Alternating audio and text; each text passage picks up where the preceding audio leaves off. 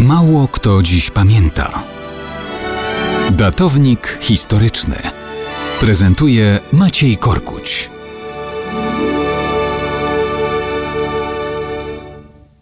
Mało kto dziś pamięta o tym, że dokładnie 1950 lat temu, 16 stycznia 69 roku, tron cesarski w Rzymie objął Marcus Salvius Otto, przywódca spisku przeciw cesarzowi Galbie, o którym opowiadaliśmy wczoraj.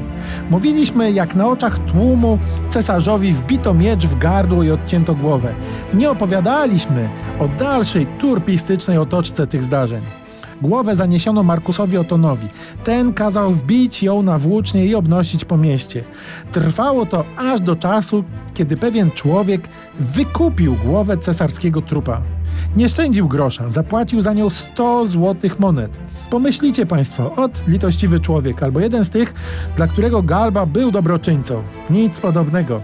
W swoim czasie Galba skazał na śmierć wyzwoleńca, niejakiego Patrobiosa. Wyrok wykonano.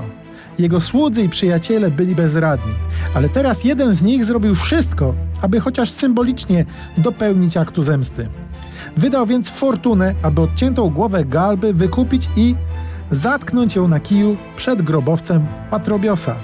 Nowy cesarz na to wszystko zezwalał, wszak Oton był sprawcą tak nagłego końca panowania Galby. Jednak kiedy sam zaledwie kilka miesięcy później ginął samobójczą śmiercią rzucając się na ostrzem miecza, zadbał, żeby jego zwłoki szybko spalono.